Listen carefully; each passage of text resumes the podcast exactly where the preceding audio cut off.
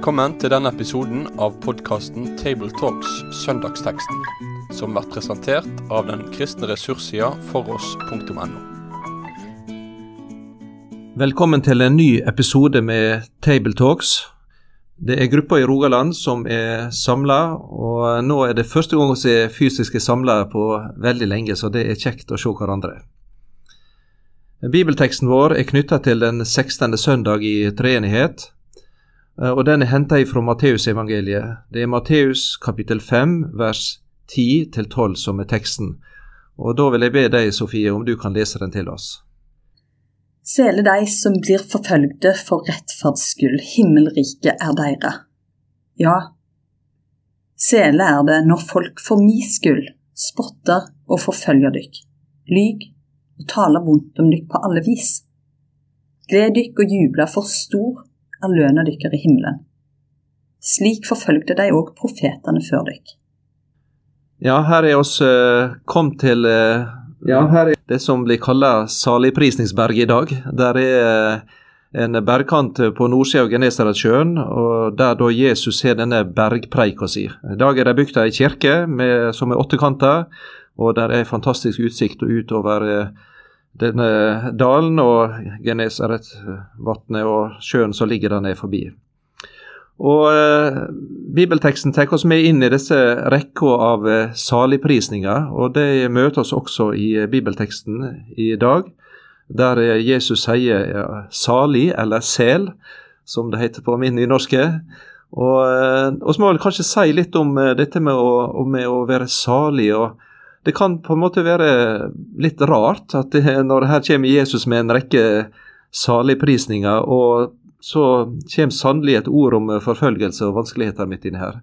Hva er det som ligger i eh, dette ordet å være salig eller sel? Kan vi forklare det på et vis som er forståelig? For det er vel ikke bare sånn eh, feel good-greier, dette, at en skal liksom føle seg så, så fantastisk hele tida som det heter i dag? Nei, det handler ikke om at en skal føle seg lykkelig, eller eh, de som føler seg lykkelige. Det er vel snarere en tilstand av å være velsignet, være eh, salig, heldig i, i, i, rett mening, da. At en, at en er i en lykkelig situasjon. Og at Jesus eh, Men det er jo Saligprisningen er jo en sånn eh, Vi dras inn i et opp-ned-rike, da. At eh, de er salige, de som er fattige, de som tørster, de som sulter, de som, de som mangler, altså. Og så på toppen av det hele i vår tekst, da, så er de nær sagt lykkelige, de som uh, blir eh, mishandla og forfulgt og hundsamme. Så det, Jesus drar oss inn i noe underlig som gjør at vi må stille oss litt undrende, og kanskje noen kjenner på at de blir nesten provosert. Går det an å juble over å bli mishandla og forfulgt? Det er liksom så det, det, er under, det, er vel, det, er vel, ment som et litt sånn Det jo, føles litt sånn sjokkerende når en prøver å lese det litt fra, fra utsida. Altså at en på en måte Her er det to ganger er det sagt uh, at en er sæl eller salig. Uh, og, og på, på, alle måter skal bli tale vondt om å bli lyget på og forfølgt og, og sånt. En, en, skal ikke lese det der for fort, egentlig, for, for her er det en slags uh, ser fort for meg at publikum her kan ha blitt ganske sjokkert når dette ble sagt. Og Samtidig så er det jo fra Jesus side gode nyheter. For de er salige de som er fattige, for himlenes rike er deres. De er salige de som hungrer, for de skal mettes. Og de er faktisk salige de som opplever forfølgelse, for det er en realitet. Det er en normaltilstand for en kristen.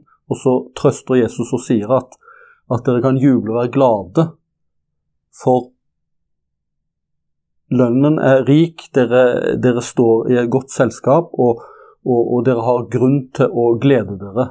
Dere, dere er i godt selskap. Så, så, så, det er egentlig oppmuntringsord, ikke, ikke for å skremme, det er snarere for å oppmuntre ut fra realiteter som kristne opplever. Og som en vil si at eh, Når det er Jesus sin tale her, så er det knytta til gudsrelasjonen og trua på Jesus. Det er noe som egentlig ikke dukker opp i menneskehjertet, eller noe som er vår produkt av vår eh, tanke eller gjerning. Eh, og jeg tenker også på at den, eh, Det engelske ordet for salig da, det er vel kanskje noe som også eh, kaster lys over det, det, det 'blessed be', altså være velsignet. Eh, så det er også noe av denne, det å leve i velsignelsen og være velsigna i alle livets eh, situasjoner, både når det er lyst og mørkt. Eh, det blir iallfall gjenspeila inn i dette her. Ja, og I Johannes 15 så snakker Jesus om at eh, har de forfulgt meg, skal de forfølge dere. Har de hatet meg, skal de hate dere. Eh, så, så, det at en skal juble eh, og glede seg over å bli forfulgt, det er i og for seg ikke påkjenningene og det vanskelige i seg selv, men at en er i godt selskap med sin mester. Altså Det er fordi en følger sin mester at en blir så dårlig behandla. Og da er det på en måte en ære, og som gir grunn til å, å juble. Og Det står jo i apostelgjerningene 5.41, hvor Peter og Johannes var blitt mishandla fordi de vitna om Jesus og gjorde godt. De hadde helbredet en en lam osv. Og, og, og, og de står de gikk ut jublende glade fordi de var aktet verdige til å bli vanæret for navnets skyld, altså for Jesus skyld. Sånn at det er på en måte ikke en sånn masochistisk glede over å lide vondt det handler om, men det handler om en glede over å få være i selskap med sin elskede mester, i måten verden behandler en på. Nå er det vel ikke alltid at den uh, gleden er det, det, altså det, det mest utprega hos oss heller. En av uh, altså Teksten fra Gamletestamentet knytta til denne søndagsteksten er Salme 13. Uh, og Det er en av klagesalmene i, i salmeboka. Der finner oss dette hvor, hvor, lenge, Herre, vil du glemme meg for evig? Hvor lenge vil du løgne ditt åsyn for meg? og hvor lenge skal jeg hyse sorgfulle tanker i min sjel og sorg i hjertet? og så der og, og der, Men det ender faktisk i den klagesalmen opp i gleden til slutt. For i siste verset så står det 'Jeg setter min lit til de miskunn, og mitt hjerte skal fryde seg i de frelse', og jeg vil lovsynge Herren. Uh, slik at både klage og fortvilelse og mørke og, takknemligheten og lovsangen på en måte hos en kristen de går sammen i, her i livet. men det er alltid lovsangen den opp med til slutt. Ja, altså Paulus jo, eh, skildrer jo òg eh, litt eh, en dobbelthet. At han, han kan lovsynge i, i fengselet i Filippi sammen med Silas, midt i vanskeligheter. Mens han i andre korinterbrev skildrer at han, at han kan kjenne på frykt inni seg, redsel. altså han, Det er en dobbelthet. Og så har han jo et uttrykk i andre korinterbrev 6.10 hvor han sier 'som sørgende, men alltid glade'. Altså som de som har påkjenninger, ja, men midt i alt så, så kan en kjenne på glede. Eh, nå så står det altså dette ordet om forfølgelse eh, og motstand og motgang. Eh, det er vel ikke enhver form for eh, trøbbel og lidelse som er innbefattet. Der er vel egentlig noen ting som er knytta til det. Eh, altså, det står for rettferds skyld her. Eh, når de spotter forfølger dere for mi skyld her. Så det er vel egentlig ikke i Jesu tanke at det er enhver form for lidelse og, og vondter her og der som, eller motgang.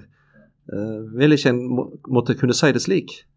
Jo, Det er jo for at en gjør det gode, på en måte. Rett før så det som er teksten vår, så sier jo Jesus òg at salig er den som stifter fred, for de skal kalles Guds barn. Så vi, vi skal være fredsstiftere, så det er jo ikke fordi vi vi er uromakere eller uh, ondsinnede eller vil folk vondt at vi blir forfulgt. Det er faktisk fordi vi ønsker å gjøre godt.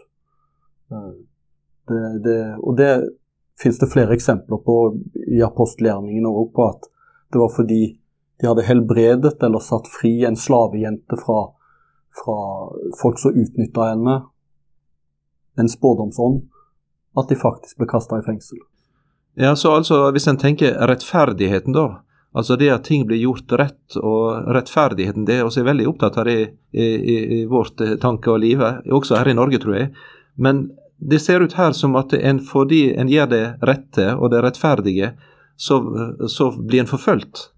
Hvordan skal en tenke omkring dette eh, i dag og som kristen og i vårt samfunn?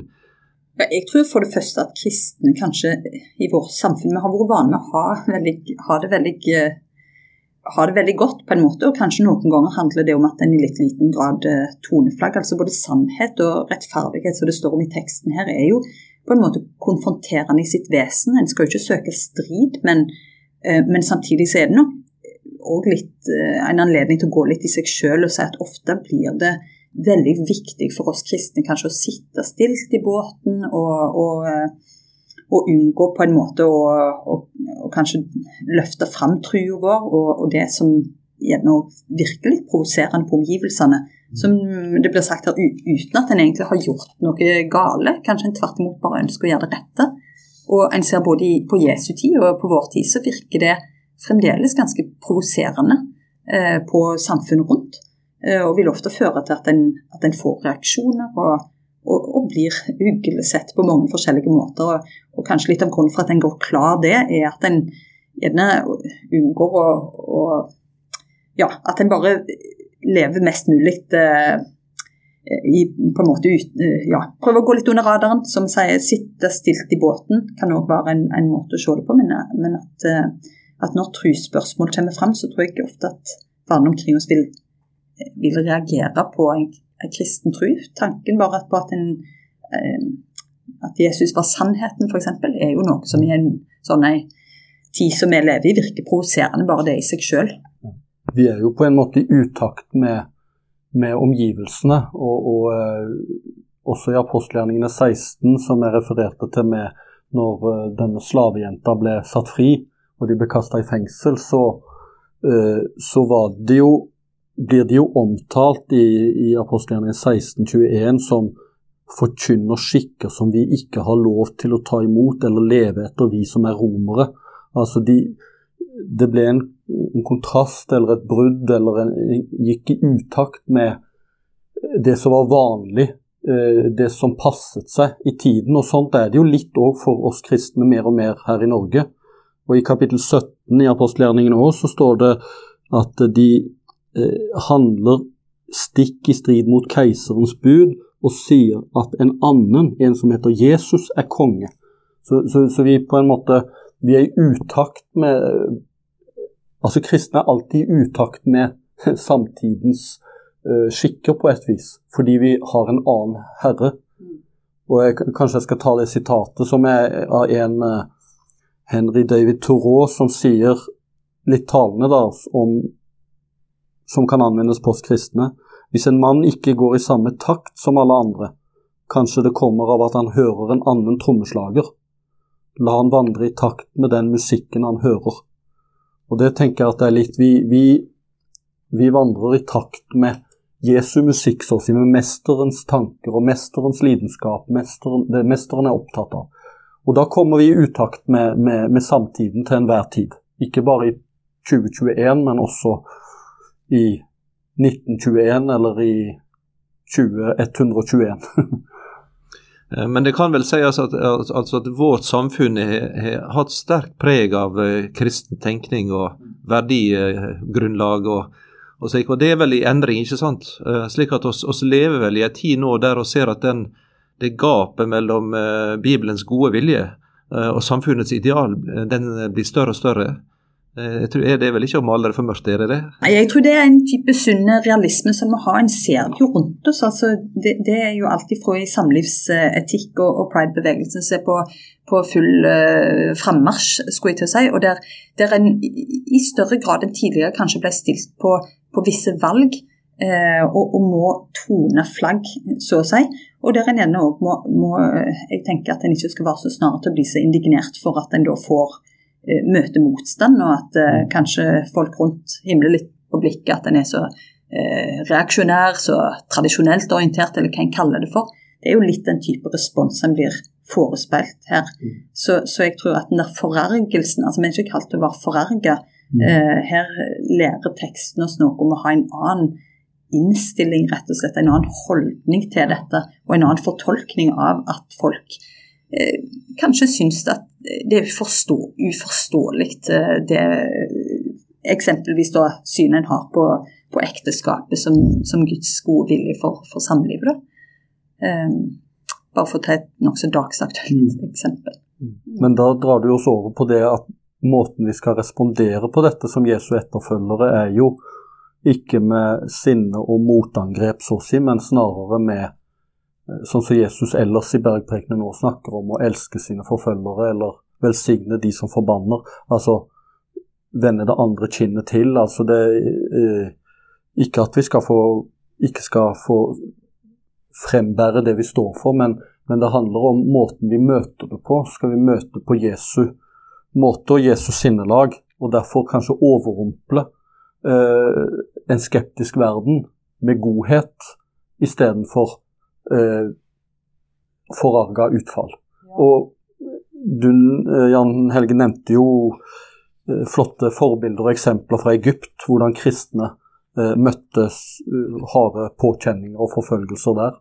Ja, du kan si at det, det, er mange kristne i verden som både nå og over lengre tid har levd under slike forhold som Bibelen beskriver, med ytre sett sterk forfølgelse, enten fra religiøst hold eller fra politisk hold. og opplever både fengsel og, og, og mishandling og, og, overgrep og død. Det det åpner dører, f.eks., som organisasjonen er overvåkende og støtter. Og jeg tror det er veldig viktig at vi som kristne er med og støtter det og ber for det arbeidet og har det som en del av vårt. Uh, og så har vi f.eks. Egypt, og der de er i den islamistiske bevegelse, som er på en måte en sånn radikal politisk og religiøs bevegelse, ikke tolererer kristne og, og, de som tenker annerledes, og har opplevd at de blir både drept og lemlesta, og kirker blir brent. og i Egypt har det vært flere slike terroraksjoner der kirka har blitt bomba, og der har blitt henrettelser, og dette blir vist på media i fryktelige filmer. Eh, og så har da kristne det, det var spesielt én episode der en mor til en som ble henrettet på kysten der av Middelhavet, av, av IS. Da. Ble, hun ble intervjua på direkten av en eh, sekulær eller vanlig reporter og spurte hva nå? Jo, hun, hun vitna da om Guds kjærlighet og tilgivelsen eh, som hun hadde funnet i Kristus, og som også at hun ville gjerne omfavne og tilgi den eh, overgrepsmannen. Eh, og det var sjokk eh, i hele, på en måte både hos reporter og i den, eh, hans muslimske setting. For det, det, det, hvorfor tenker ikke du hevn? Altså ta igjen og, og få, få gjort ende på han. Men en kristens svar til motgang og forfølgelse pga. sin tru er ikke å bli sur og bitter og ruge over det og sjølopptatt, eller å gjengjelde med vondt mot vondt. Men her er det faktisk kjærlighetens språk. Og det er litt sånn mot naturen. Naturstridig, nesten. Ja, for det tenkte jeg på. Hvor henter de det fra? eller hvor, for jeg, Sånn umiddelbart så tenker jeg at hadde jeg reagert sånn, spør jeg meg. Hva, hva tenker dere om hva, hvor, hvor finnes kilden til at en kan glede seg under forfølgelser eller respondere med kjærlighet når en blir utsatt for hat osv. Hvor, hvor kommer det fra? Hva er det som skjer? Ja, En må vel si at det er, er det noe som preger Jesus veldig sterkt, så er det akkurat det der. I møte med den, hans liv og den motstand og motgang han fikk, og den ende han fikk eh, i, i den siste påske på vei til korset, så, så var det ingen rop om, til etterfølgerne om gjengjeldelse og hevn. Og, og Peter som strekte sverdet, ikke sant, setter sverdet i slira. Det er ikke på den måten det skjer. Eh, så der er den kristne trua og Jesu vei, og oss i hans fotspor, eh, på en måte oss går mot strømmen her.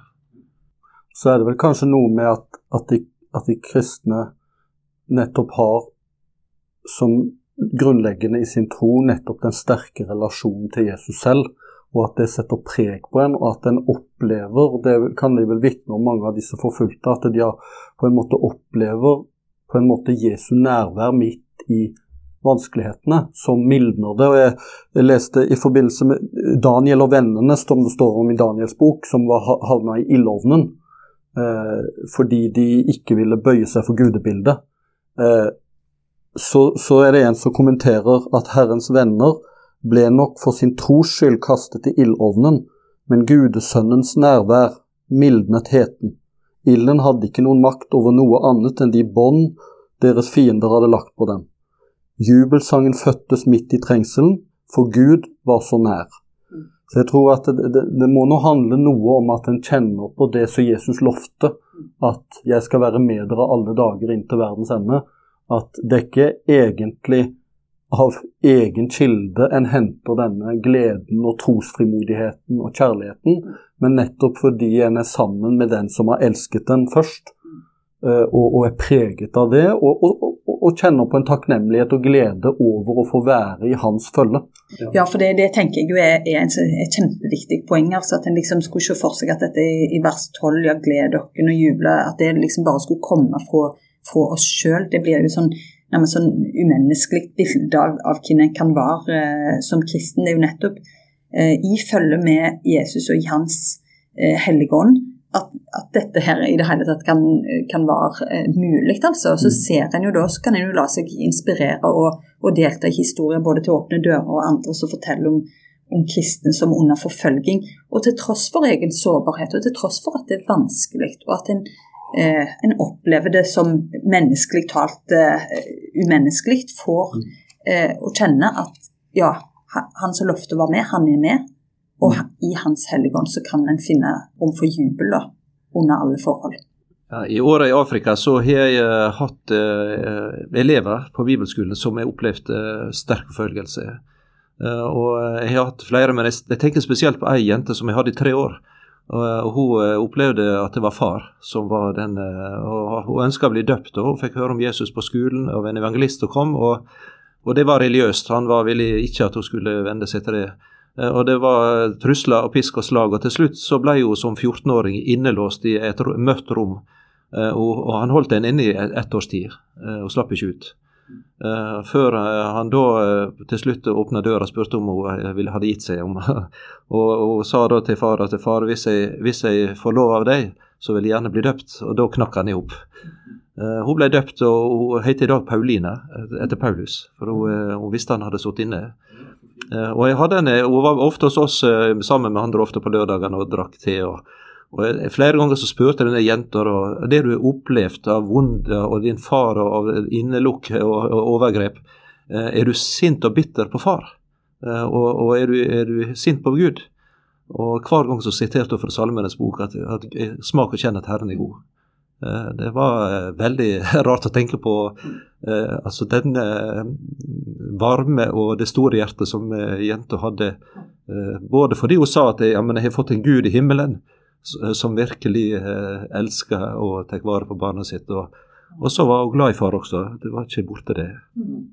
Ja, og er, Vi snakket jo litt om det her i forkant av samtalen òg, at det er jo som et ekko fra, fra flere av, av salmene i Bibelen, egentlig, i denne lille dette lille utdraget her fra vår bergpreik. og der, der en på en måte har en slags, eh, Mange av salmene også reflekterer rundt det at, eh, at det er forfølgelse, kanskje òg til tross for at en egentlig, eh, egentlig bare vil det gode og, og gjør det gode. Og, og at, at, det er mange eh, vanskeligheter, men at det munner ut i en, i, i en jubel og en tillit til at det er et stort håp. Da. For er, Vi snakket jo litt om det med håp i denne teksten her. Eh, det er en realisme i forhold til forfølgelse, men, men det er jo et stort håp her.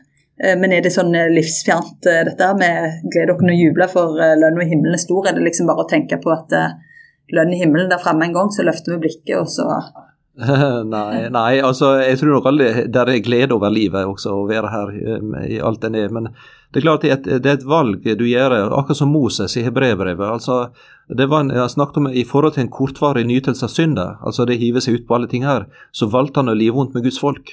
Eh, altså på utsida av det andre. Selv om han visste godt hva det var å vokse opp i, i faraos slott og eh, altså alt det som var av eh, utdannelse og rikdom, så valgte han likevel annerledes. Og han kjente gleden i det, det tror jeg. Det er det. Så det er ikke livsfjernt, det er bærekraftig.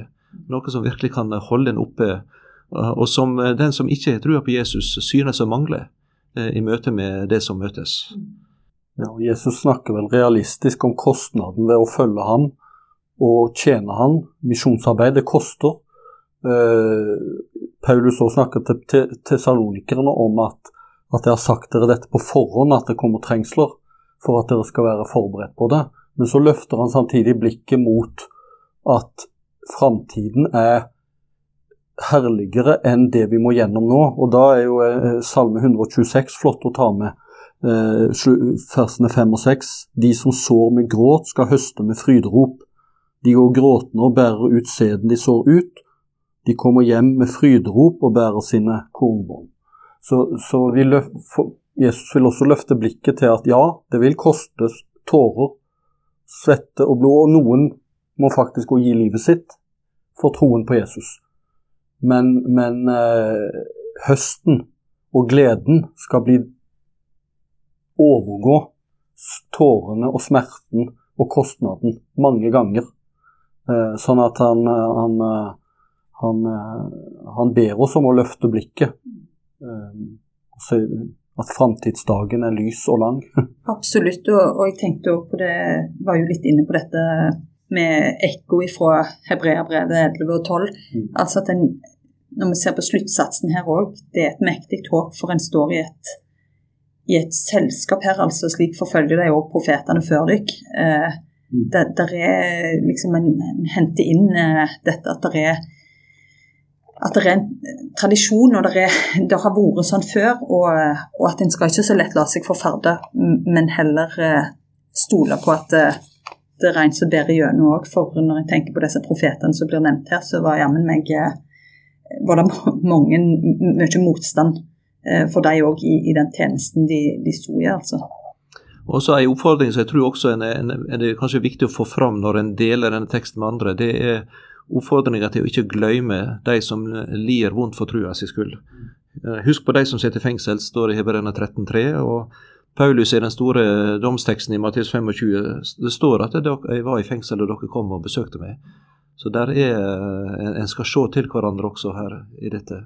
Ja, og når ett lem lider, så lider vi alle med. og det denne kroppstanken om den kristne. Det, og det gjør kanskje at nettopp dette som kan virke litt overmenneskelig, det at en skal glede og juble seg når en blir forfulgt. Det er kanskje viktig at vi nettopp tar inn i samtale og oppmuntrer hverandre, støtter hverandre, snakker med hverandre, gråter med hverandre når vi syns det er uutholdelig med den hån og spott som en kan oppleve. At en deler det sammen. Både smerten, men òg kan også dele gleden i det å få følge en sånn fantastisk herre og mester som vi har.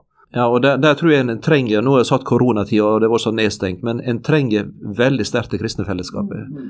Eh, for det kan du se fra Nytestamentet, til og med apostelen Paulus, når det røynde på, og han ble veldig nedfor og, og tappa, så, så, når han møtte de andre, så fikk han mot.